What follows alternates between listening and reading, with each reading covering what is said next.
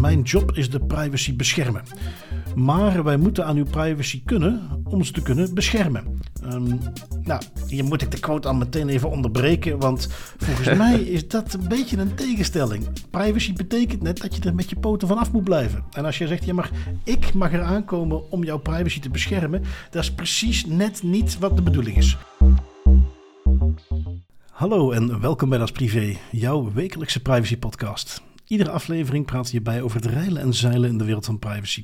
Digitale spionage, boetes, datalekken, nieuwe technologie, privacy tools, oftewel alles dat er in een week gebeurt in privacyland. Ik ben Bart van Buitenen en samen met privacy Parijzenaar Tim van Haren hebben wij het privacy nieuws van deze week gecureerd en eruit gehaald wat er echt toe doet. Die moest dan toch even, net Tim, eventjes de digital nomad lifestyle in de verf zetten.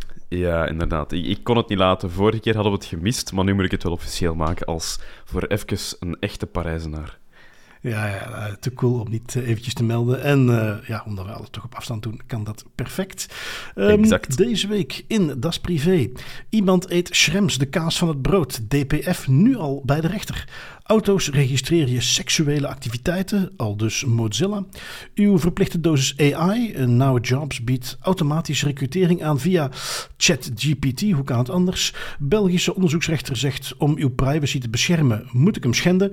Um, Volgens mij werkt dat zo niet, maar dat gaan we eens bekijken. Vlaamse wijkagent misbruikt al jarenlang zijn toegang tot politiedatabanken. Zei ik heigerig, maar eigenlijk moeten we dat zo vaak meenemen dat het misschien niet eens meer zo spannend is. Maar goed, er zitten wat nieuwe facetten aan deze keer.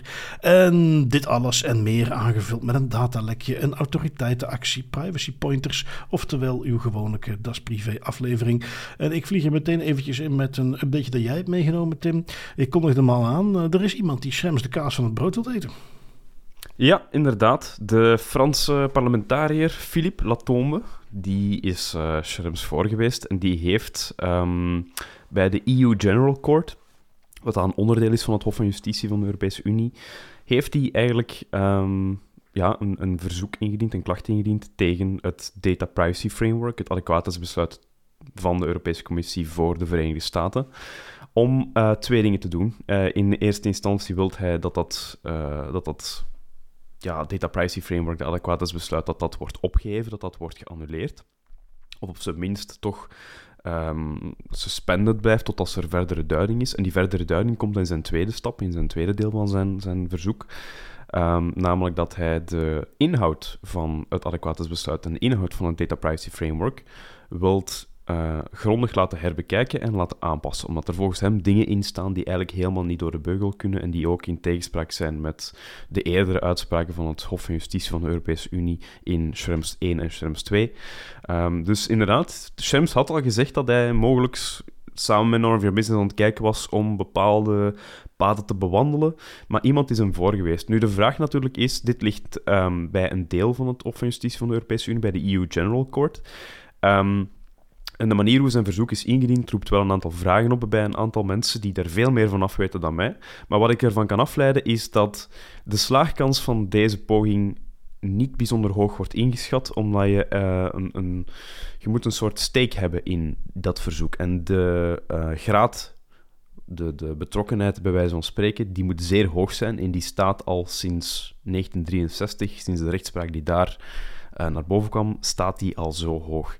En dat doet eigenlijk een heleboel mensen vermoeden dat dat eigenlijk ja, lastig gaat worden door Het is uh, redelijk simpel. Eigenlijk is die rechtsgang bedoeld om uh, als Europese instelling om een bepaalde beslissing van de Europese Commissie aan te vechten. En is helemaal niet bedoeld voor een individu om dat iets te gaan doen. Dus die, die standing, zoals dat in het Engels zo mooi heet, oftewel het belang dat je moet kunnen aantonen, dat is iets wat je als individu eigenlijk bijna niet voor elkaar krijgt. Dus vandaar dat men denkt dat dit niks gaat worden. Maar het is een uh, leuk initiatief en het geeft maar aan, en dat moet je gewoon als takeaway meenemen voor allerlei organisaties, we zijn er nog niet. Uiteraard is iedereen gesprongen op dat nieuwe DPF en, en uh, is het weer, we maken ons geen zorgen meer, we kunnen weer uitwisselen. Schrems 2 is van de kaart. Maar uh, ik, uh, overal waar ik zit, geef ik toch mee dat Schrems 3 uh, zeer waarschijnlijk is. En dat we daar gewoon rekening mee moeten houden. Dus dat is die takeaway. Ik heb nog een update met ja, wat ik dan tegelijk eigenlijk een beetje grappig vind, Tim. Want wij hebben de vorige podcast hebben dit uitgebreid besproken. in die podcast kondigden wij ook aan van ja, ik ben op vakantie. Eh, het kan zijn dat we een weekje geen podcast gaan doen. En wegens enige technische problemen is die podcast überhaupt nooit geüpload. Dus die gaan we straks uploaden. Dan gaan mensen dat horen. En vervolgens komt er eh, een paar dagen later een nieuwe podcast. Dus, ja, dat is privé tot uw dienst. Ja, inderdaad. Zo kan het ook.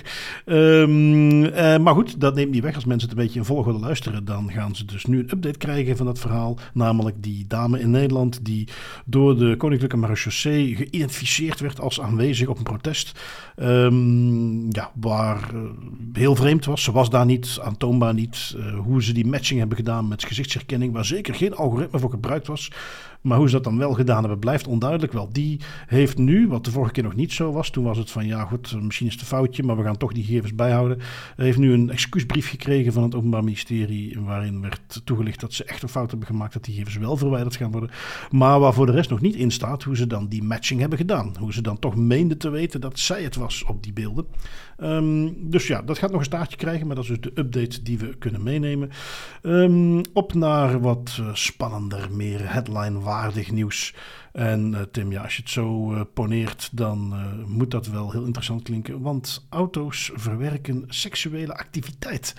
Wat is hier aan de hand? Ja, er is heel veel aan de hand. Het is een onderzoekje van Mozilla, de, de organisatie achter Firefox en dergelijke.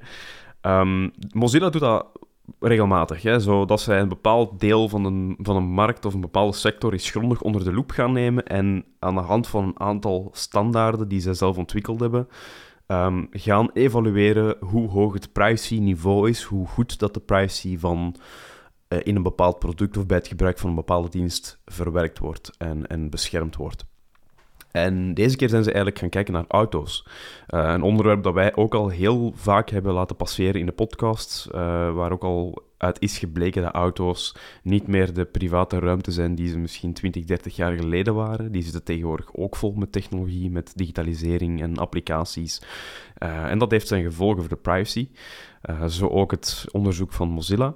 Uh, Mozilla is eigenlijk naar 25 automerken gaan kijken en heeft die automerken geëvalueerd, heeft op basis van de privacyverklaringen en de activiteiten van die merken vastgesteld uh, dat geen enkel automerk het eigenlijk fantastisch goed doet als het aankomt op privacy. In, op de een of andere manier zijn ze allemaal niet fantastisch bezig daarmee. Um, Degene die het nog het best doet en die nog het meest in evenwicht is, dat zou Renault zijn. Wat dat ook ja, weinig verrassend is, want dat is een Europees, een Europees merk. Uh, is, heeft ook een hele grote Europese markt, dus die zijn verbonden aan een aantal uh, regelgevingen zoals de GDPR-wetgeving. Terwijl de andere automerken, en dan kijken we bijvoorbeeld vooral naar Toyota, maar ook Nissan, en dan gek genoeg Volkswagen, wat dat eigenlijk ook een Europees merk is, die doen het heel slecht. Um, het onderzoek is heel breed, dus ik raad het iedereen zeker aan om er ook eens zelf naar te kijken. Maar ik wil er een aantal takeaways uithalen die ook in de media een paar keer zijn opgepikt. Um, waaronder ook het, het idee, de titel die ik vaak zag terugkomen op LinkedIn, dat uh, automerken je seksuele activiteiten en je voorkeur verwerken. En ik wil dat ook ergens misschien een klein beetje nuanceren, want dat is ook een nuance die wel terugkomt in Mozilla zelf en die vaak niet in de, de ja, herhalingen van de artikels wordt meegenomen. Wat is er vastgesteld? Um, bij het onderzoeken van de privacyverklaringen bij Nissan, Toyota, Kia um, en dergelijke, is vastgesteld dat daar in de privacyverklaringen ergens wordt vermeld, ja, um, die automerken die kunnen bij het gebruiken van de diensten, bij het gebruiken van de auto, kunnen zij van alles verwerken en daar viel dan ook op seksuele voorkeur of sex-life activities. Uh, dat soort elementen die worden meegenomen. Wilt dat daarom zeggen dat die dat ook doen? En dat ze het ook effectief, dat ze daar iets mee gaan doen. Dat is een vraag die ik in het midden laat. Ik wil daar een beetje een kritische blik op werpen en misschien zeggen dat ze hier in hun privacyverklaringen iets te sterk van wal hebben gestoken en iets te uh, veel informatie hebben meegegeven die misschien niet echt relevant is of die misschien iets nuance kan bieden. Nou, laten we daar anders gewoon eventjes over brainstormen, Tim. Uh, jij bent automaker en jij wilt seksuele activiteit in jouw auto meten. Um, hoe ga je dat doen? Wel, de manier waarop je dat doet, wat dat ook terugkomt in het rapport, is je kunt dat meten aan de hand van de camera's die intern gepositioneerd zijn, aan de sensoren, aan de, de technologie die er binnenin zit. In theorie kan je dat dus doen. Stel dat iemand het idee heeft om seks te hebben in een auto, dan zou je kunnen zeggen van ja, als een camera dat oppikt, dan ben je dat aan het verwerken. Maar als autofabrikant kan ik me niet inbeelden dat je daar iets mee zou willen doen en dat je dat dus, dus ook op die manier zou moeten afschermen. Het, het is dan echt wel dat ze zeggen op basis van een camera. Ik dacht misschien nog wat subtieler dat ze aan bepaalde bewegingen in de assen van de auto en de vering iets konden gaan afleiden en dat ze het op die manier wilden gaan doen. Ehm, heb jij een camera binnen je auto zitten, Tim? Uh, ja, absoluut. Ik heb een, ik heb een Tesla. En um, Tesla's zijn gewoon camera's op wielen, helaas. Dat is misschien een beetje ironisch natuurlijk, omdat ik zoveel met privacy bezig ben. Maar ook intern, um, ja, er zit een camera net boven, um, in het midden van, van het tak, bij de bestuurder. Er zit een camera die gericht is naar de binnenkant, naar de cockpit van de wagen. En dat is niet de enige wagen. Er zijn heel veel wagens die tegenwoordig uitgerust worden met zo'n interieurcamera. Ja, ja, ja, ja, ja. En dan eh, maar dan zit je dus, en dat is denk ik de nuance die jij ook al meegaf, en wat ze uh, vaak een beetje onderschatten, wat ze daar zichzelf mee aan kunnen doen, dat is het dus dat ze iedere mogelijke theoretische kans dat ze wat ze zouden opnemen gaan meegeven. Ja, daar zit de camera in. Oké, wat kunnen mensen allemaal in hun auto doen? Nou, goh, ja, seks, uh, ruzies, uh, praten over racisme. dus en dan gaan ze zo hun lijstje maken en dan krijg je ook privacy policy wel eens. We may collect. En ja, wat je ook al zegt, er zit nog een heel groot verschil tussen uh, een jurist heeft nagedacht over oké, wat zou er allemaal kunnen gebeuren en dat moet allemaal in die privacy policy zitten en tussen wat gaan we echt doen. Um, dat gezegd zijnde, Tesla is al van bekend dat ze het echt doen. Hè? En uh, ze geeft Mozilla's Privacy Not Included ook aan. Dit is naast een of andere chat AI tool die we gereviewd hebben. De eerste keer dat we op alle vlakken waar wij nakijken een waarschuwing meegeven voor de privacy policy van een auto. Uh, voor, van een, een, ja, wat dan ook en wat dan ook. Hè. Nu is het een auto. Uh, Tesla is het de tweede keer ooit dat voorkomt. Um, maar dus hele belangrijke kanttekening. Uiteindelijk is het maar gewoon de privacy policy die ze bekijken. Op geen enkele manier hebben ze echt data bekeken. Nee, nee, klopt. Ze, ze, hebben gewoon gekeken naar, naar de privacy policy en dan die informatie die in de privacy policy staat, eigenlijk in een soort van theoretisch conceptueel model gegoten van oké, ja, stel, wat kan een auto doen vandaag de dag? Er zit een app in, uh, er zitten camera's op, dus één op één eventjes gaan vergelijken of dat klopt. Um, een ander belangrijk deel, naast die seksuele activiteiten die zogezegd gemeten zouden kunnen worden, iets, wat, iets anders dat ook een aantal keer opviel um, bij Hyundai en ik denk ook bij Kia. Beide privacyverklaringen vermelden daar heel duidelijk dat persoonsgegevens um, formeel of informeel, en dat vond ik heel bijzonder, gedeeld kunnen worden met uh, autoriteiten en dan specifiek met politie. Ook daar ik denk dat er ergens misschien sommige nuances kunnen gemaakt worden, in dat dat in bepaalde gevallen, bijvoorbeeld bij een ongevalonderzoek of dergelijke, dat dat gebruikt kan worden, de data die daarin zit in een of andere zwarte doos. Maar de manier hoe het hier beschreven staat, is veel te wazig en veel te vloe om eigenlijk te weten te komen, is er hier een nuance, is er hier een, een rechtmatige manier om die data te delen? Of moeten we ons zorgen beginnen maken. En dat is de lijn die ik altijd zie terugkomen in, uh, in het onderzoek van Mozilla, is de privacyverklaringen zeggen eigenlijk heel duidelijk dat er gevoelige data verwerkt wordt en dat die data gedeeld kan worden, ook met instanties waar je op het eerste zicht niet van zou denken dat ze eraan kunnen of mogen. En daar stopt de informatie eigenlijk. En dat is eigenlijk te weinig informatie. Het is goed dat je zo transparant bent natuurlijk, maar het is niet goed dat je dan vervolgens gebruikers en onderzoeksinstituten zoals Mozilla um, ja, bezorgd maakt, omdat je eigenlijk niet de nuance brengt die nodig is om dit te kaderen. Waarom wordt die informatie gebruikt? Waarom staat dat daarin en waar gaat dat naartoe? Dat zijn belangrijke vragen die ook in een verklaring moeten. Daar mis je weer dat, dat die, die, en ik heb hem al, ik val echt in herhaling, maar hè, dat een privacyverklaring is geen contract. Je moet daar niet iedere theoretische mogelijkheid inzetten. Je moet erin zetten wat je echt doet. En als jij ervoor gezorgd hebt, als noem maar wat Nissan zijnde, uh, dat jouw camera, uh, de kans dat je dat soort dingen in beeld brengt, of dat je daar helemaal niks mee doet, of nou ja, wat dan ook. Hè. Er zijn allerlei maatregelen die je zou kunnen nemen, of zelfs als iemand de behoefte voelt om even keihard van beeld te gaan en de camera van de auto is daarop gericht, dat je daar toch uh, niks met die gegevens doet. Ja, dan hoef je dat niet per se in je privacy policy te zetten. Het is niet omdat ik daar, want dat zijn de dingen die je dan ziet, omdat ik daar mogelijk iemand achter het stuur ga zitten met een keppeltje, dat je ineens religieuze gegevens aan het verwerken bent. Dus dat is altijd even de, de nuance. En dat is het enige wat mij er wel een beetje aan tegenstond, zeker als je te veel media-aandacht kreeg, is hoe hij gericht Mozilla, die hebben daar ook uh, meerdere artikelen aan gewijd. En als je dan gaat doorzoeken, komt het eigenlijk hierop neer. Wij hebben privacy policies bekeken en potentieel staat daar van alles in, maar we hebben geen enkel praktisch bewijs dat het ook echt gebeurt. En die nuance die is natuurlijk uh, zeker na vele overtik media sites een beetje verdwenen. Dat is, ook, dat is ook het gevoel dat ik had en ook de primaire reden dat ik het wil meenemen om een beetje het kantelpunt te geven. Van, ik vind dat ook belangrijk als we het hebben over privacy, dat we, dat we inderdaad niet te heigerig gaan doen in het begin. Soms is dat nodig en soms is dat ook terecht, maar soms, net in dit geval, denk ik dat een beetje nuance op zijn plaats is. Um, er, zullen zeker probleempunten zijn. Absoluut. Dat ziet je ook terugkomen in die privacyverklaringen. De manier hoe men spreekt over delen van persoonsgegevens met law enforcement en politieeenheden is veel te vloe. Um, om even de Kia uh, privacy policy te quoten, die het denk ik goed samenvat, is zij, eh, als het gaat over het delen van persoonsgegevens met law enforcement, met politieeenheden, dan zeggen zij in het algemeen scenario, if in our good faith opinion such is required or permitted by law. Dus als zij denken van oké, dit is oké, dit kan en dit mag, dan gaan zij gegevens delen. En ja, dat is dan weer al te laks. Maar over het algemeen gaat het hier vooral over privacyverklaringen die transparant zijn over welke gegevens ze mogelijk kunnen verwerken, maar vervolgens niet duiden waar dat die gegevens voor bedoeld zijn en en misschien iets te transparant zal zijn. Dat ja, kan ook. En um, ook nog even de kanttekening maken. Mozilla heeft het bekeken. Bijvoorbeeld, ik herinner me die van Nissan, hebben ze de US privacy policy bekeken.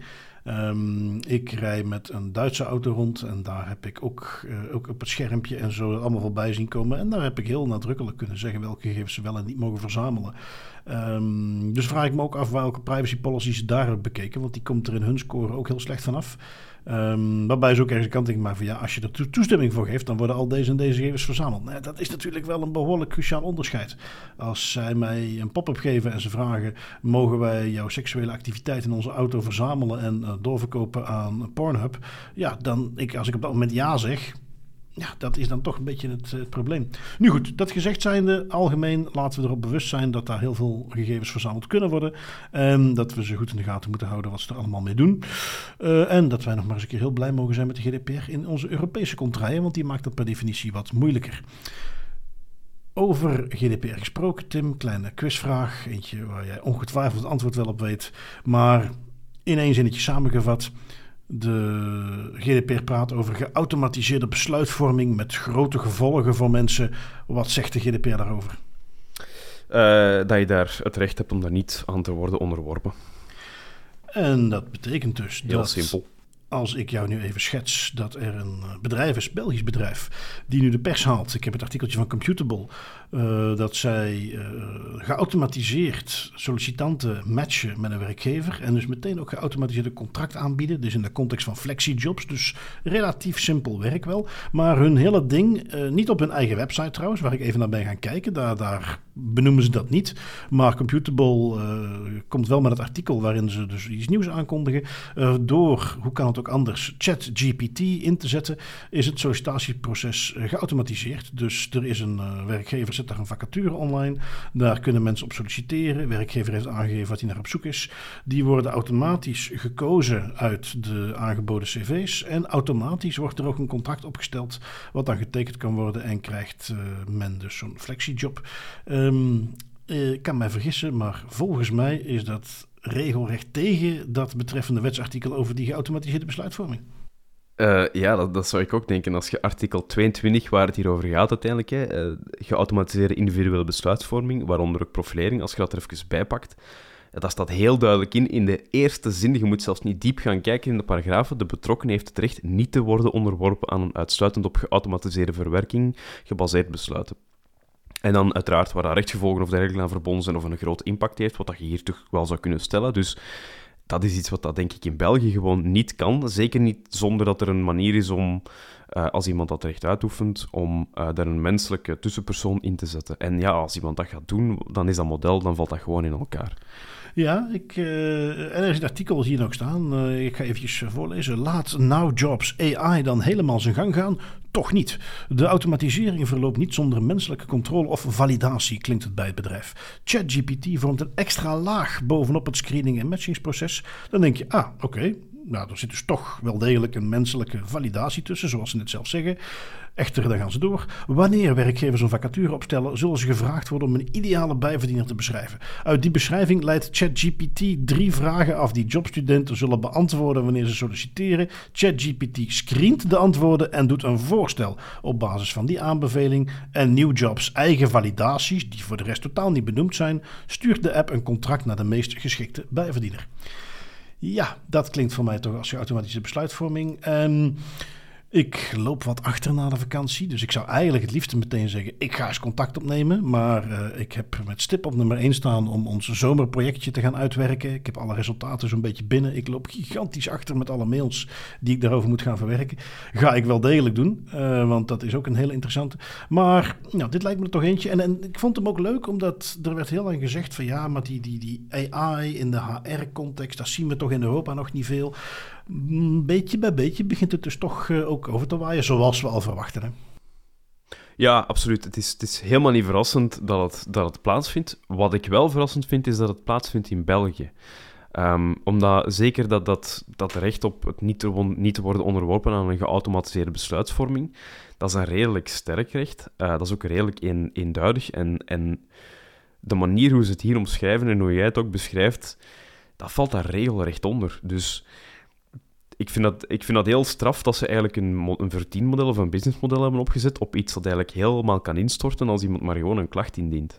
Want dat is het uiteindelijk. Hè. Of ze moeten dan menselijke inmenging gaan voorzien, maar ja, dan, dan is heel hun concept al een beetje omzeep. Ja, ik, ik, ik kan me een paar dingen bedenken voordat ik helemaal ga GDPR-nerden, om toch eventjes tussenin te gooien. Uh, het kan zijn dat de werkgevers hier in dit geval, uh, ook al melden ze zich wel aan op een platform, eigenlijk niet als de controller gezien worden rond het sollicitatieproces. Dat zij eerder als een soort dat, dat het Now Jobs is die echt de werkgever blijkt. En dat Now Jobs, waar we dus de werkgever overduidelijk in dit verhaal niet betrokken is bij het nemen van de beslissing uiteindelijk. Um, dat je daarom dus mag zeggen, ja, dat is voor die werkgevers geen probleem. Want eigenlijk noemen ze die wel werkgevers, maar het zijn geen werkgevers. Het is Now Jobs en die leent die gewoon uit aan die bedrijven. Maar zij zijn de eigenlijke werkgever. En dan zou het nog moeten betekenen dat Now Jobs zelf ondanks wat ze hier wel laten uitschijnen, want het is natuurlijk hot and happening om te gaan zeggen: we doen het met ChatGPT. Het kan best dat daar dus wel degelijk nog een mens tussen zit. Maar dan toch nog even een waarschuwingje, want we hebben als eerder aangehaald: iemand die voor de vorm even een vinkje zet en dan zegt: oké, is niet voldoende. Dan moet iemand, er moet echt een screening zijn. Dus ik, ik wil hem toch noteren als iets waar ik eens naar wil gaan kijken. Eens even zien: uh, heeft uh, Now Jobs dit al helemaal uit laten spitten door een advocatenkantoor? En hebben ze een hele analyse uitgeschreven waarom dit volgens hun toch kan? Of is dit iets waar ze zichzelf wat voorbij hollen en waar ze geen DPO hebben en uh, ze daar, als ik daarna ga vragen, voor het eerst mee geconfronteerd worden? We zullen het zien. Ik eh, noteer hem eventjes om op te volgen en ik vond hem in ieder geval interessant. Um, wat hebben we dan nog? Ja, eventjes over de zee naar Groot-Brittannië. Daar stond een hele hardcore encryptiewet op de rol.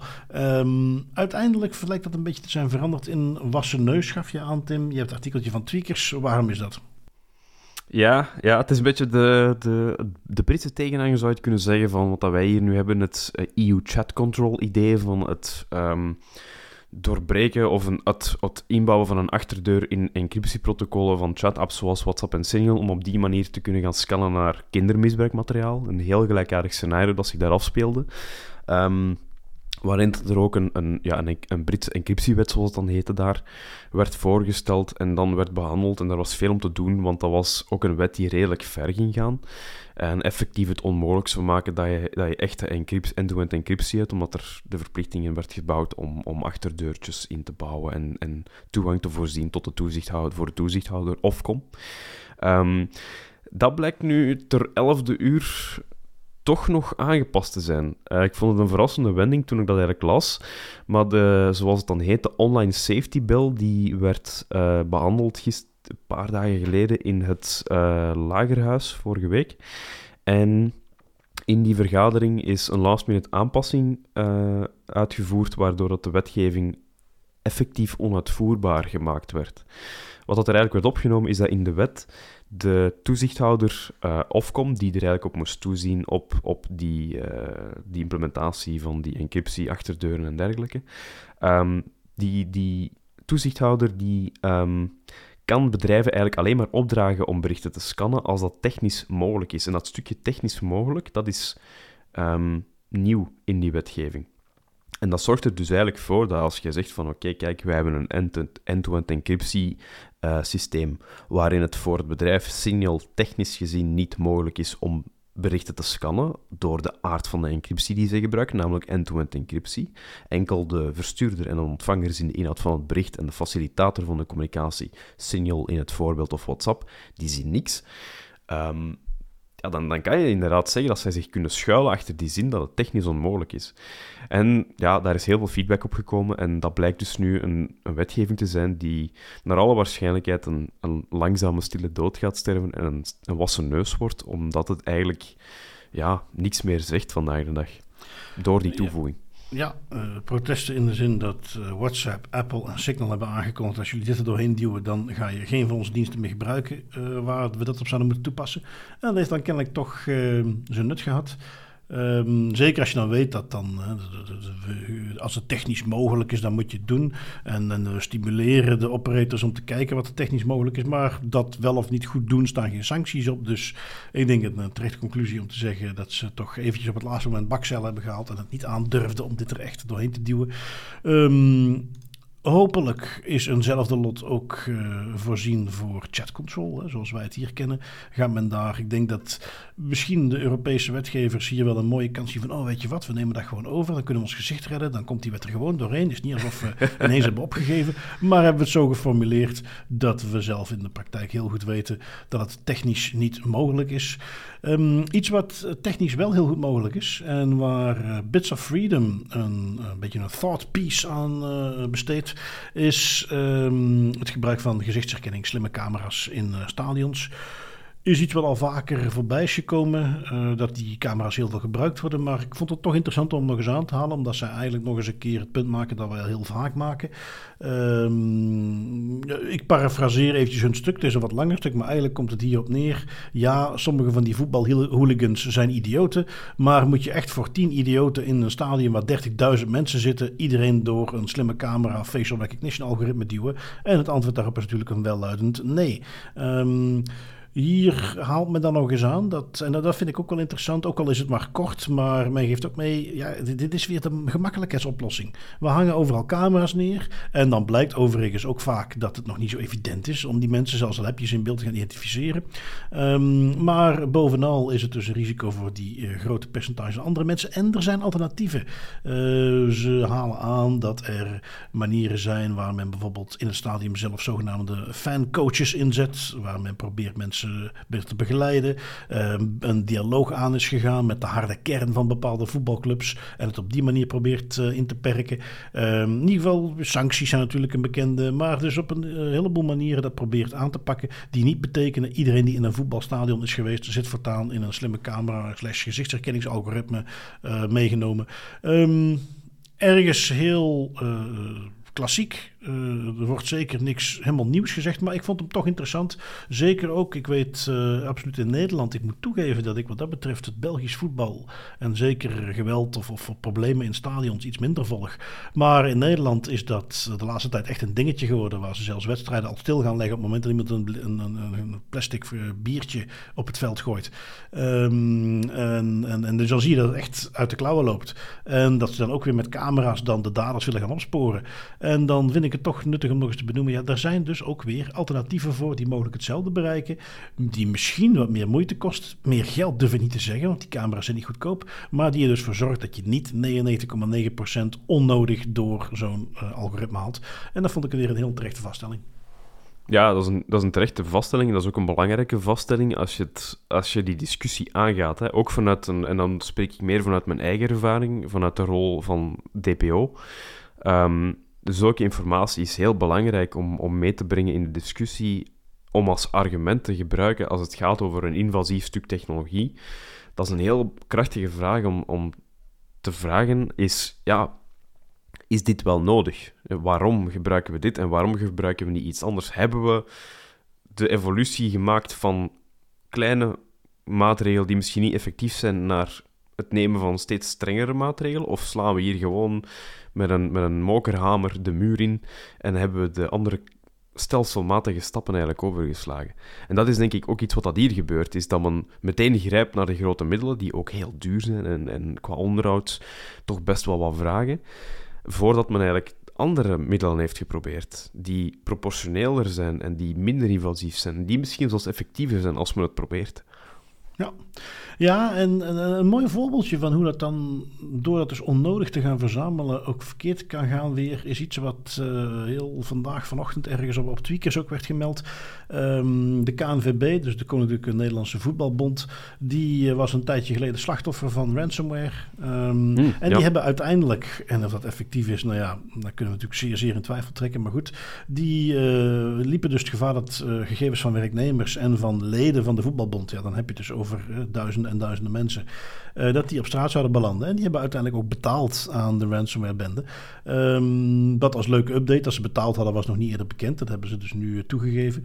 Maar uh, het is niet ondenkbaar, en ik, ik, weet uit ervaringen bij betaald voetbalorganisaties, ook in België, dat de bond vaak allerlei gegevens wilt vragen en dat ook probeert. En in ieder geval, want ik spreek van een paar jaar terug, dat een aantal clubs zich daar ook geen vragen bij stelden en die gegevens dus doorgaf. Um, nou ja, je zult maar net weer dat soort gezichtsherkenningsbeelden allemaal ook bij de bond hebben gestald. En dan is die bond slachtoffer van een aanval. Of natuurlijk de voetbalclub zelf. Um, en dat is weer ja, dat absolute basisprincipe van het verwerken van persoonsgegevens. Als het niet nodig is, moet je het niet verzamelen. Net om dit soort dingen tegen te gaan. En dat geldt hier ook op zeker als we het dus gaan hebben over gezichtsherkenning. Ja, het is heel simpel. Wat je niet hebt, kan je niet lekken. Hè? Nee, precies, precies. Um, even zien, je had nog een klein updateje meegenomen, ook weer van tweakers.net, over uh, Apple. Die, uh, daar hebben wij toen destijds, gewoon, waar hadden we het over? Is dat september 2021? Kom ik dus aan. Een jaar geleden kunt gaan eh, opzoeken. Hoeveel? Een, een, jaar geleden, ergens in augustus uh, 22. Uh, 2022, oké, vooruit. Uh, kondigden zij aan dat ze uh, detectie gingen doen op beelden, uh, zelfs nieuw materiaal zouden gaan detecteren in je foto's. Daar kwam toen wat backlash op en nu heeft dan Apple een beetje gepubliceerd waarom ze dat hebben stopgezet. En als ik goed begreep had dat niets te maken met alle tegenkanting van het publiek. Absoluut niet. Um, het ging hier over de kindermisbruikdetectie van Apple. Dus uh, voor de mensen die niet goed meer weten over wat dat ging, een jaartje geleden was er best veel ophef te doen over Apple, die met een idee kwam, uh, een, technologie om um, op het device van gebruikers en op de, de, de iCloud uh, van gebruikers te gaan scannen naar kindermisbruikmateriaal. En dat heeft eigenlijk een een lange weg bewandeld. Er is heel veel inderdaad kritiek gekomen langs alle kanten, vanuit politieke hoeken, maar ook vanuit de burgers en vanuit privacyactivistische hoeken. Um, en Apple heeft op een bepaald moment toch het licht gezien en beseft van oké, deze feature kunnen wij niet in een, um, met ons goed verstand op de markt brengen en, en uitbrengen op onze devices, want um, ja, dat zou, dat zou te invasief zijn. Dat was eigenlijk het argument dat ze toen hebben uitge, uitgezonden. Um, nu geven ze een beetje later um, iets meer ja, duiding en nuance over waarom dat ze dat hebben de, de nek omgedraaid, bij wijze van spreken. Um, en hun grootste zorg was eigenlijk iets wat wij ook al heel vaak hebben meegenomen, en we waren daar niet alleen in. Dat was de, de primaire zorg van een heleboel uh, stemmen die daar tegen waren. Uh, de feature creep. Het idee dat jij een systeem opzet dat scant naar bepaald materiaal, in dit geval kindermisbruikmateriaal, nu, eens dat je zo'n systeem op elk toestel van elke gebruiker die een iPhone heeft, of een iPad of een MacBook, eens dat je dat van, van start laat gaan en in werking laat treden, ja, dan is het natuurlijk heel verleidelijk om met verloop van tijd dat systeem ook te gaan inzetten voor andere zaken. Um, en dat was een, een, voor Apple een te groot risico, dat men dan besefte van er gaan bepaalde regeringen zijn die ja, ook aan, van, aan ons de eis gaan opleggen dat wij dit systeem niet alleen gaan gebruiken voor kindermisbruikmateriaal op te sporen, maar bijvoorbeeld ook voor dissidente meningen of uh, bepaalde religies of bepaalde seksuele voorkeuren of elementen die dat, dat soort indicaties meegeven. En dat was een doos van Pandora dat ze niet wilden open doen. En dan hebben ze vervolgens gezegd van oké, kijk, um, we gaan een andere manier zoeken om dit op te lossen, want hier kunnen we niet meer verder. Iets wat werkelijk volgens mij een paar uur nadat zij met deze aankondiging kwamen, al door allerlei tegenstanders werd aangehaald. Dus uh, iets waarvan je dan toch denkt, is er dan niemand bij Apple zelf intern die die bedenking ook kon maken voordat ze het aankondigden en weer moesten afblazen. Maar goed, uh, niet heel verrassend. Um, wel goed dat ze het ook op deze manier brengen, omdat ze daarmee ook voor zichzelf een beetje de weg afsnijden om het over een maand weer eens opnieuw te gaan doen. Want die function creep van dit soort technologie, die verandert niet. Die gaat er altijd zijn. Dat is ook het hele probleem. Um, je kunt alleen maar denken dat misschien Apple zelf intern een beetje de awareness miste, uh, voldoende kennis over hoe dat, dat precies werkt, om dat meteen in te zien. Um, en dat is iets wat ik ook een beetje mis bij een uh, Vlaamse of een Belgische onderzoeksrechter die aan het nieuws komt in een podcast van de VRT, Het Uur van de Waarheid. Um, ik heb die podcast zelf niet geluisterd, moet ik er even als disclaimer bij zeggen. Maar ik heb wel het artikel erover. Hè, want dat doet de VRT, die maken een podcast en dan maken ze er ook een artikeltje van. Een beetje content hergebruiken. Dus dat hebben ze zelf geschreven op basis van die podcast. Dus ik denk dat we er wel vanuit mogen gaan dat die quote klopt. Uh, maar die komt dus aan het woord. Die uh, gaat vooral, gaat het uh, artikel, gaat de podcast over het bestrijden van cybercriminaliteit.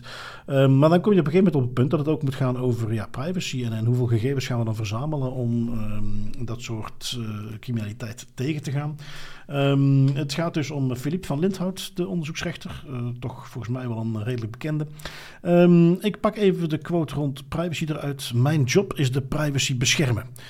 Maar wij moeten aan uw privacy kunnen om ze te kunnen beschermen. Um, nou, hier moet ik de quote al meteen even onderbreken, want volgens mij is dat een beetje een tegenstelling. Privacy betekent net dat je er met je poten vanaf moet blijven. En als je zegt, ja, maar ik mag er aankomen om jouw privacy te beschermen, dat is precies net niet wat de bedoeling is. Maar oké, okay, goed, we gaan door. Wij moeten dus aan die privacy kunnen om ze te kunnen beschermen. Wij moeten daders kunnen identificeren. Wij moeten zelfs aan de privacy kunnen van onschuldige mensen. Want op een schone dag kunnen die onschuldige mensen slachtoffer worden van iemand. Of kunnen die onschuldige mensen op een dag zelf schuldig lijken. En daarom, Tim, omdat wij allemaal potentiële criminelen zijn. Ja, moet die nu helemaal aan onze privacy kunnen? Um, ja, ik denk dat meneer Van Lindhout het concept privacy helemaal begrepen heeft, of niet?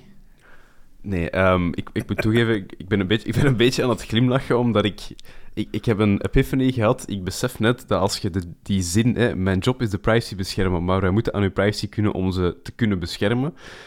Als je dat ergens midden in het boek 1984 van George Orwell zet, dat zou er perfect in passen. Dat zou een prachtig voorbeeld zijn van doublespeak. Misschien staat hij dat wel. Is het, ja, wie weet, misschien heeft hem het daar vandaan. Dat is niet het beste boek als je het wilt hebben over de bescherming van privacy mensen trouwens.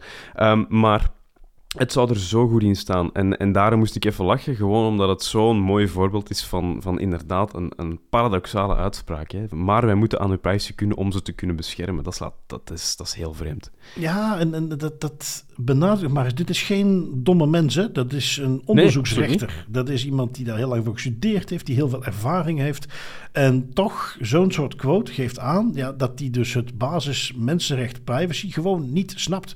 Um, of misschien getekend door zijn eigen ervaringen niet meer in staat is om te begrijpen dat uh, er een bepaalde uh, afweging moet zijn tussen die rechten. En dat je niet gewoon kunt zeggen, zoals hij het zelf kennelijk quote, uh, ja, soms zou je zelf slachtoffer kunnen worden en dan zou je maar willen dat we meer van je wisten. Of ja, als je niks verkeerd hebt gedaan, dan hoeven we niks te doen. Maar ja, je kunt zomaar schuldig blijken, dus moeten we ook in jouw gegevens kunnen. Um, ik, ik, opnieuw, en, en, en mensen, als er iemand is die zegt, ik heb de podcast geluisterd en hij heeft dat nog helemaal genuanceerd en je hebt dat helemaal verkeerd, laat hem alsjeblieft weten. Als ik een momentje vind, wil ik zeker de podcast zelf nog eens even gaan beluisteren. Maar opnieuw, de VRT zelf heeft dit eruit gehaald. Dus ik ga er toch vanuit dat de, de context klopt. En uh, ja, dan kan ik alleen maar benadrukken. En we hebben daar zo meteen nog een klein voorbeeldje van, wat dat ook nog eens benadrukt. Dat er uh, toch een beetje een cultuuromslag moet zijn. Waarbij ik dus niet wil zeggen, voordat dat zo geïnterpreteerd wordt, um, dat is. Uberheilig. Privacy kan nooit geschonden worden. Maar de manier hoe het hier gefraseerd wordt, onschuldige mensen kunnen slachtoffer worden, of onschuldige mensen kunnen zelfs schuldig blijken. En daarom moeten wij jouw privacy kunnen schenden. Dat is natuurlijk compleet van de pot gerukt. Nee, klopt. Ik was, uh, ik was vorige week aan de Universiteit van Maastricht voor de start van een opleiding. En daar kwam dat eigenlijk ook als discussiepunt. Dat was heel interessant, kwam dan nog eens naar boven van, is het recht op privacy ultiem?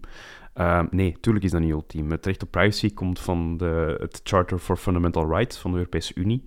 En in datzelfde charter dat dat recht geeft, staat ook een beperking, ik denk dat het in artikel 52 was, um, dat dat recht ja, dat dat ingeperkt kan worden, dat daar beperkingen op kunnen worden gelegd, dat dat, dat dat niet ultiem is en dat er beperkingen op zijn Bijvoorbeeld als het gaat over de bescherming van andere hun rechten of als het gaat over de bescherming van de algemene veiligheid van een maatschappij. En dat is iets belangrijks om te onthouden. Dus, en dat is zeker ook iets wat wij ondersteunen. Het is alleen natuurlijk als je zo'n zware uitspraken doet die eigenlijk een catch-all zijn, waarmee dat je heel veel privacy-invasieve methodologieën kunt gaan ondersteunen, ja, dan moeten we even aan de alarmbel trekken, want dan rijk je denk ik te ver. Ja. En dat is, een, dat is een, altijd een heel goede balansoefening om te maken. Van rijk te ver? Is dit proportioneel?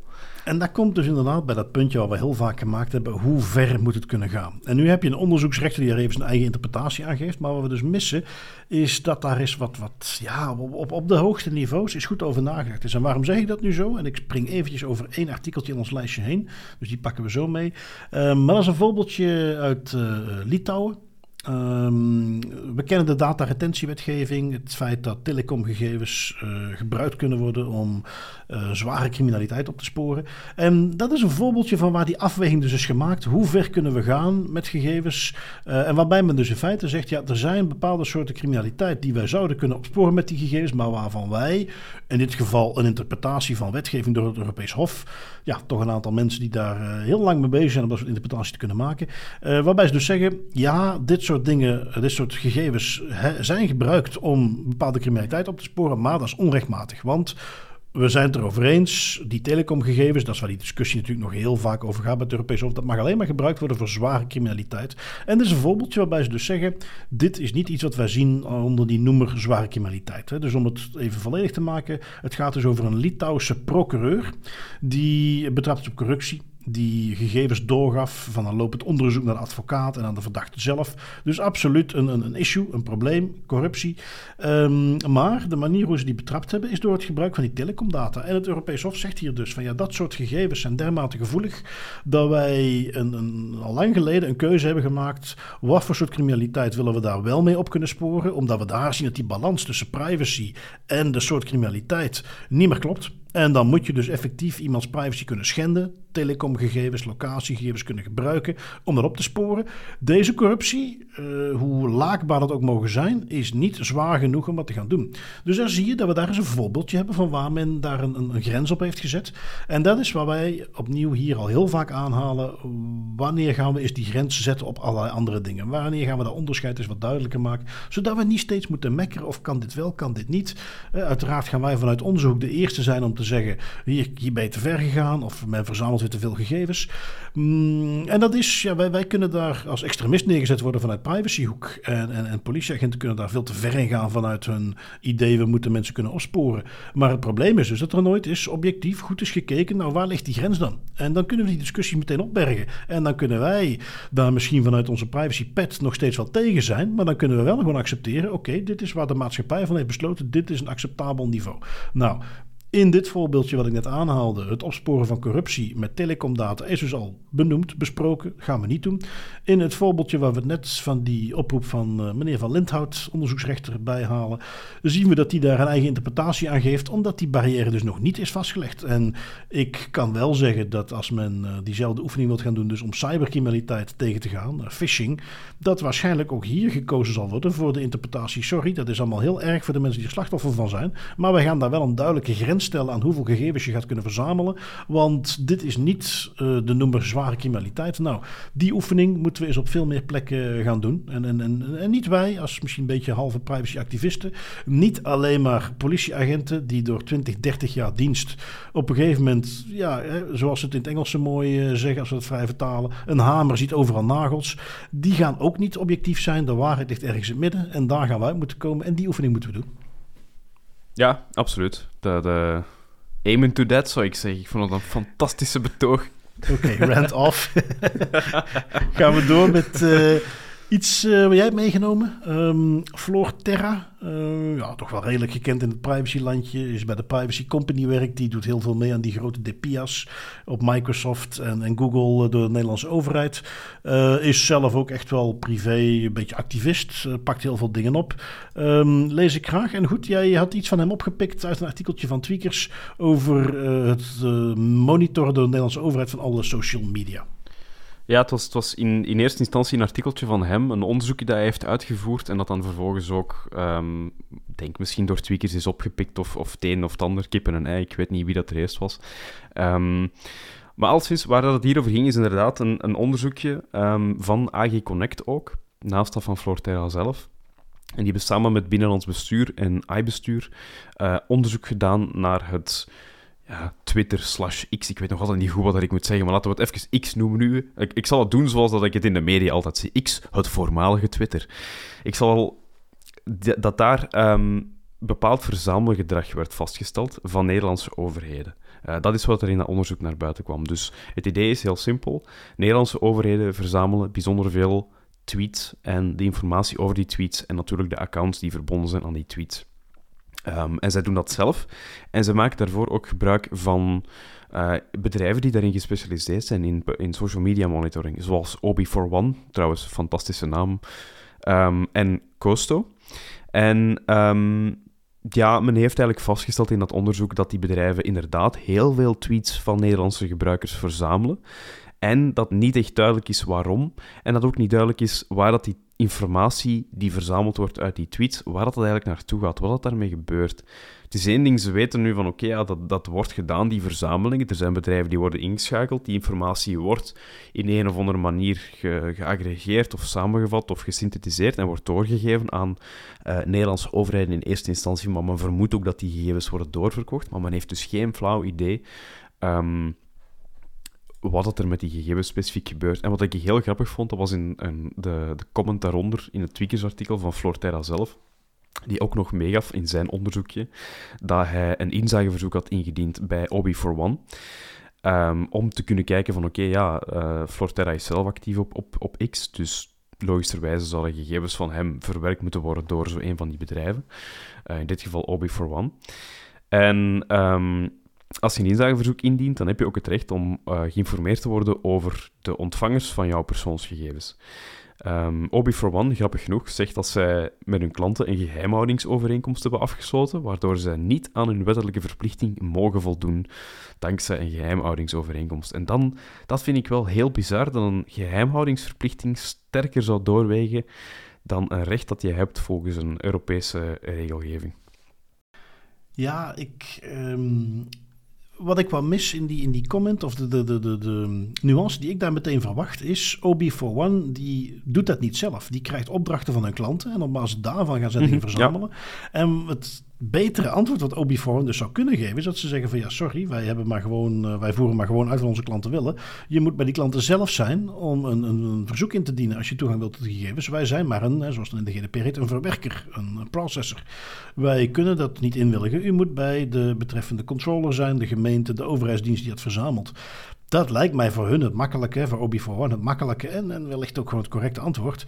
Um, ik weet ook, hè, want, dan, want het is iets wat vaker voorbij kwam, dat de Nederlandse overheden dat soort dingen gebruikten. Je weet dat wij bij zowel Obi One als Costo uh, als naam hebben gebruikt om bij een aantal grote steden te gaan navragen. Gebruik je dat soort software? Um, om burgers te tracken. En dat tot nu toe die allemaal hebben beantwoord dat ze dat uh, niet op die manier hebben gebruikt. En dus ook geen uh, monitoring doen van wat burgers uh, zeggen met dat soort software. Dus ja, iets waar ehm, we wellicht over nog op terug moeten komen. Vaak loopt Nederland met dat soort dingen toch een beetje voor. Um, of wie weet dat we gewoon moeten concluderen dat men hier al een tijdje heeft besloten dat soort dingen moeten we niet gaan doen. Want dat heeft geen nut of, of, of mag gewoon niet. Dat zou nog beter zijn. Um, even zien, we zijn dan aangekomen bij ons hoofdstukje rond een paar datalekken. De eerste die jij hebt meegenomen had ik ook alles voorbij zien komen. Kennelijk het uh, maken van software van die bedrijven die remote camera's verkopen, of het nu een Amazon Ring is of in dit geval Wise. Kennelijk krijgen ze het niet voor elkaar om op zo'n manier te doen dat niet af en toe gebruikers feeds van andere gebruikers gaan zien. Hè? Ja, dat, dat blijft toch echt een dingetje. Hè? Anno 2023, je zou denken van die, die technologie die staat nu toch wel al best ver. Dat is geen nieuw ding meer. Uh, de, de kinderziektes zijn eruit. Blijkt niet het geval te zijn. Ook hier uh, ging het inderdaad over WISE, um, die, die ja, beveiligingscamera's maken. Um, en daar was een probleem waardoor dat bepaalde gebruikers camerabeelden van andermans ja, woningen of, of waar dat die camera's ook op gericht konden zien in de webviewer van Wise, wat het eigenlijk ja, een, een browser webviewer is waar je naartoe kunt surfen om dan je camerabeelden te bekijken. Uh, kregen ze plotseling dus de camerabeelden van andere mensen te zien. Um, en dat, ja, dat, dat was wel redelijk snel opgelost, opgelost moet ik toegeven. Um, en Wise zelf dat is natuurlijk de vraag in hoeverre dat, dat accuraat is. Maar volgens Wise zelf ging het maar over een, een tiental gebruikers die uh, wiens camerabeelden zichtbaar waren voor andere gebruikers, want dat had iets te maken met een caching-probleem. Nu, als dat zo is, dan is het op zich nog relatief beperkt natuurlijk in scope, maar het toont toch nog maar eens aan ja, hoe vaak dat dat gebeurt. Hè. Het is schering en inslag met die camera-apps en alles dat aan de cloud hangt. Ze krijgen het niet voor elkaar om het water dicht te maken. Nee, nee, nee, nee. En uh, over schering en inslag gesproken de volgende datalekje wat ik heb meegenomen is een uh, artikeltje. Ik heb het eventjes door de betere paywall verdelger moeten halen. Uh, op het laatste nieuws zag ik hem terugkomen. Ik kon het nergens anders terugvinden. Daarom het anders zou ik me dan wel gaan zoeken naar een bron waar ik het met iets meer omkadering terug kon vinden op een site zonder paywall. Um, nergens anders terug kon vinden. Wat ik eigenlijk ook al een beetje vreemd vind. Um, waar gaat het over? Een uh, wijkagent uit Beersen, dat is in de buurt van Turnhout. Die blijkt al jarenlang zijn toegang tot politiedatabanken te misbruiken. Nou ja, Helaas moeten we vaststellen, niks nieuws. Uh, dit hebben we al heel vaak voorbij zien komen. Deze maakt het erg bond. Die heeft meer dan 70 mensen de afgelopen jaren opgezocht. Uh, dus dat is toch wel heel erg veel. Um, uit het artikel konden we afleiden dat hij hand- en spandiensten verrichten voor uh, vrienden en familieleden. Dus van wat ik heb zien staan, want die hebben we ook voorbij zien komen eerder, geen lekken naar misdaadsyndicaten die die gegevens dan weer gaan misbruiken. Um, dus oké, goed misschien geen al te schadelijke gevolgen. Maar dat weet je niet. In ieder geval gewoon geraadpleegd, familieleden, vrienden. Um, ja, hebben we het al vaak genoeg over gehad. Ik denk dat er alles wel over gezegd is. Maar ik zag hier twee dingen die ik uh, mee wilde nemen, die ik hier anders vond of die ik nieuw vond. Eén, en, en, en ik, weet daarbij wat luisteraars hebben vanuit ook de politiediensten. En per definitie, de mensen die dan uh, uh, vanuit hun interesse luisteren naar deze podcast, ja, die gaan dat soort dingen niet doen. Um, maar als argument om eens mee te nemen, als je hiermee aan de slag bent, ja, ga hier, zorg eens dat men daar proactief op gaat controleren. Laat dat soort mensen niet langer het hele korps beschadigen. Want dat is eigenlijk waar het op neerkomt. En ik denk dat dat soort argumentatie al vaker gebruikt wordt als het gaat om, om, om uh, agenten of, of uh, inspecteurs of commissarissen, wie het ook mogen zijn, die dronken achter het stuur zitten of die met drugs betrapt worden. Daar gaat men al waarschijnlijk al het argument gebruiken, kijk, die beschadigen het hele korps, daarom moet je dat niet doen. Wel, dat is hier niet anders. Als dit soort berichten naar buiten komen, daar beschadig je naar de hele maatschappij toe het vak van de politieagent mee. En naarmate dat steeds meer digitaliseert, hè, we, kennen ook dat grote project waarmee uh, agenten in het veld straks in een appje op hun telefoon gegevens kunnen opzoeken in die databanken. Cruciaal om dat vertrouwen dus goed te houden. En dit soort acties die ondermijnen dat. En daarom moet daar veel actiever, harder op gecontroleerd worden. Um, dat is één, beetje rantig, maar die wilde ik toch eens meegeven. Misschien als, als extra argument dat mensen kunnen gebruiken. Want opnieuw, uh, mensen van politiediensten die naar deze podcast luisteren, die moeten we niet uitleggen waarom het belangrijk is. Maar dat zijn de extra argumenten die je misschien nog kunt gebruiken om dat wat meer onder de aandacht te brengen. Of om daar eventueel strengere sancties op af te laten dwingen. Want dat vond ik ook interessant in het uh, artikel. Daar werd eens wat meer meegegeven. Ja, wat, wat staat zo iemand nu eigenlijk te wachten? En dat verbaast me toch wat. Het is te zeggen, ik ken in de medische sector, weet ik dat men daar ook steeds strenger naar kijkt. En daar, de voorbeelden die ik ken, is redelijk simpel. Als je daarop betrapt wordt, dan word je gewoon ontslagen. Punt. Um, hier blijkt dat toch aanzienlijk genuanceerder te zijn. Um, sowieso, als voorbeeldje, want hier loopt dus nu een zaak tegen deze agent. Daarom kwam het ook in het uh, nieuws. Uh, die is gewoon nog actief op dit moment. Um, bij een veroordeling door de rechter uh, is het ook niet een automatisch ontslag. Uh, een tuchtstraf kan namelijk variëren. Uh, dit was uh, iemand die het aangaf, dat was iemand van de politievakbond. Vincent Houssin, Wissin, van de politievakbond VSOA, die dus wat aangeeft ja, wat zijn de mogelijke sancties. Nou, een veroordeling door de rechter is dus niet een automatisch ontslag. Het kan een blaam zijn, dus dat is meer een soort aantekening in je dossier. Het kan een terugzetting in weddenschaal zijn, een schorsing, een echte degradatie. Um, welke tuchtstraf? Ja, dat kan afhangen van, afhankelijk van wat er gebeurt, het lagere kader, onderofficieren wellicht, dan is dat het korps zelf het dat beslist. Nou, daar weten wij al door onderzoek van het COC van dat men dat vaak gewoon een beetje onder de mat veegt en daar niet al te zwaar aan tilt. Um, en dan mag het korps zelf dat doen. Als het iemand is van het officierenkorps, dan is het de minister van Buitenlandse Zaken of Binnenlandse Zaken die een beslissing moet nemen. Uh, in ieder geval, ja, dat, dat daar überhaupt nog zo'n bandbreedte is. Uh, wat er gebeurt met iemand die dat doet, dat is eigenlijk ook een kwalijke zaak. En dat is volgens mij ook weer toonaangevend voor hoe er naar gekeken wordt binnen dan toch in ieder geval de hogere regionen van het politiekorps. Want er wordt gewoon niet zo zwaar aan getild. Terwijl als jij dit echt op wilt gaan ruimen, als jij dit echt aan wilt gaan pakken, dan moet dat gaan beginnen met ja, mensen gewoon ontslag te laten nemen voor dit soort dingen. Ehm, en dan kan ik het ook niet helpen om een beetje een, een, een stevige portie hypocrisie te bespeuren bij zo iemand van de politievakbond. Want je hebt dan een minister die wat feestgangers heeft, die kennelijk tegen een busje aan het pissen zijn. En dan wordt er keihard geschreeuwd om zijn ontslag. Maar als jouw eigen mensen jarenlang de toegang tot hun databanken misbruiken, dan is het misschien wel af te doen met een boete. Ja, dat is natuurlijk waanzinnig hypocriet. Ja, exact. Ik was, ik was er ook aan het denken. Dat, dat werkt twee kanten op. Hè. Dat is, ofwel ben je streng en dan ben je ook streng voor iedereen, ofwel ben je niet streng en dan ben je ook niet streng voor iedereen. Het is, het is een of het ander. Ik had wel recent nog een uh, interessant gesprek met iemand die ook actief is bij de politie, de Belgische politie. En um, dan ging het ook inderdaad over, over tuchtstraffen bij misbruik van toegang en misbruik van gegevens. En die persoon wist mij ook te zeggen, ik vond dat wel een interessant argument, dat dat een paar dingen verklaart is, dat er is een cultuurprobleem, eerst en vooral, dat is heel duidelijk. Maar er is ook een, denk ik, een perceptieprobleem bij de beleidsmakers en de mensen die de tuchtprocedures en de straffen bepalen. In die zin dat um, het is nog niet voldoende doorgedrongen dat vandaag de dag de politie met de toegang die ze hebben tot gegevens en met de digitalisering van de politionele activiteiten, dat zij best veel schade kunnen berokkenen, ook maatschappelijke schade, door misbruik van dergelijke togen en door misbruik van gegevens. En dan heb ik het niet alleen over de invasie van privacy, maar bijvoorbeeld ook over het doorspelen van gegevens aan uh, drugsbendes. Wat dat ook iets is wat we een aantal keer hebben meegenomen. Of aan, of aan, ja, aan andere vormen van criminaliteit, of aan collega's. Er zijn verschillende manieren waarop dat zich kan manifesteren die echt wel een, een nadelig gevolg hebben voor de maatschappij, voor de burgers, voor de politie zelf. En dat is, dat is helemaal nog niet gereflecteerd in de strafmaten die staan hmm. tegenover dergelijke misbruik. En dat, dat, dat, dat moet gewoon nog komen, maar dat besef is er gewoon nog niet. En dat is jammer. Dat, dat is waarschijnlijk ook een onderdeel dat dat nog dateert uit de tijd dat je twee agenten samen op kantoor zaten, een dossiertje opensloegen en eens een keer lachend eh, tegen chef aan de overkant zeiden van hé, moet je kijken wat ik nu weer heb gezien, versus de brede toegang tot databanken en alle data die ermee samenhangt. En dus ook alle problemen die het uh, kunnen, de kunnen veroorzaken, die uh, onterechte raadpleging. Dat is zeker denk ik een heel, heel terecht punt.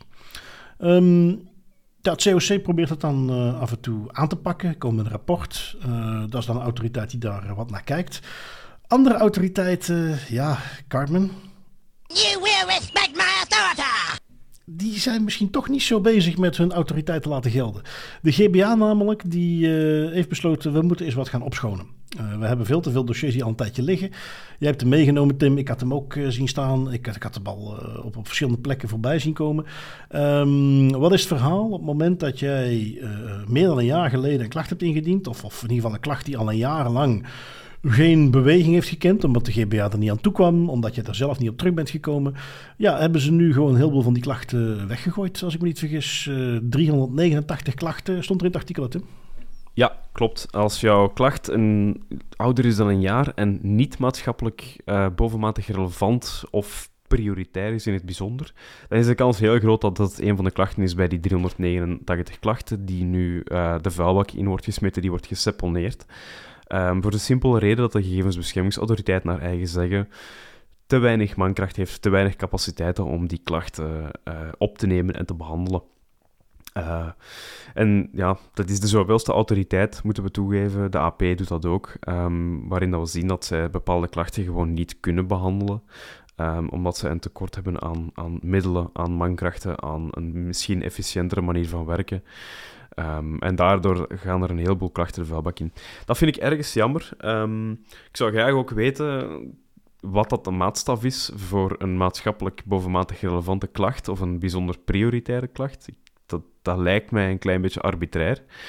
Um, tenzij dat ze daar natuurlijk een vaste, ja, ik zeg nu zo maar niet, een, een, beslissingsboom of een matrix voor hebben ontwikkeld. Dus ik ben heel benieuwd of dat ze daar ergens iets meer informatie over zouden kunnen of willen delen.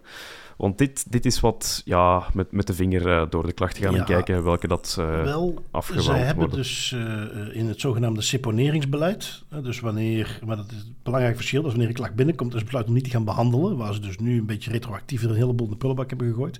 Maar het komt hetzelfde neer. In hun seponeringsbeleid hebben ze uitgelegd wat voorbeelden zijn van maatschappelijk wel of niet relevant. Um, de exacte detail, die, die ontbreekt daar ook wat. Er blijft iets arbitrairs aan, maar wat ik dus eh, een gemiste kans vind van de GBA is dat ze hier, hier hadden ze proactief over moeten communiceren. Hier hadden ze niet, totdat mensen dat op een gegeven moment dan die brief binnenkrijgen en, en dat bereikt de pers en dan moeten ze daar iets mee. Hier hadden ze meteen, voordat ze die brief uitsturen, een persbericht moeten uitsturen van jongens, we hebben gewoon de tijd niet. En, en, en dat ook heel ander niet gaan, want in die brief stond ook dingen van ja, en er is al een jaar lang geen beweging geweest en dit en dat. Je had daar veel simpeler moeten zeggen. Jongens, we begrijpen het. Er wordt de GDPR nog heel veel overtreden. Jullie hebben daar vast wel gelijk in, maar we kunnen gewoon niet iedere klacht meer gaan behandelen. En op het moment dat jij nog eens een keer een direct marketing berichtje hebt gehad en dat die niet reageert op jouw inzageverzoek, um, dat is minder maatschappelijk relevant dan dat een uh, bedrijf uh, een heel recruteringsproces door een geautomatiseerde chatbot laat doen, waardoor potentieel honderden tot duizenden mensen uh, hun recht op een baan niet krijgen. En daar gaan we liever op zitten. Als je op die manier naar buiten brengt, is dat veel begrijpelijker. Is dat ook iets waar mensen veel meer begrip op kunnen hebben. Terwijl nu wordt er gewoon door bijvoorbeeld een tweakers gepubliceerd. De privacy toezichthouder heeft een wachtlijst en ze lossen die op door 389 klachten weg te gooien. Um, laten we wel zijn, en ik, ik ik ken een aantal mensen die zo'n brief hebben gehad. Um, daar was dat misschien minder het geval. Maar ik weet zeker dat er een heleboel klachten daartussen zitten. die ook gewoon bullshit zijn. Dat iemand gefrustreerd is, die ja, uh, de werkgever of iemand een oor aannaaien. en die start dus een procedure op. en dat de GBA van dat soort dingen zegt: joh. Wie weet klopt het, maar daar kunnen we ons gewoon niet mee bezighouden. Ik kan daar best begrip voor hebben, maar communiceer daar anders over. Wees daar transparanter over. Dat zou heel veel van dit soort dingen uh, wegnemen. Want nu ontstaat het beeld, ook bij mij een beetje, ik ben daar niet immuun voor, dat men gewoon rukzichtloos een hele berg klachten de deur uit heeft gegooid. Zonder daar echt heel goed naar te kijken, maar gewoon gekeken heeft: joh, er is al een jaar lang niks aan gebeurd, weet je wat, we gaan daar weggooien. Is wellicht niet zo, maar daar had men best kunnen tegenhouden daar gewoon iets beter over te communiceren.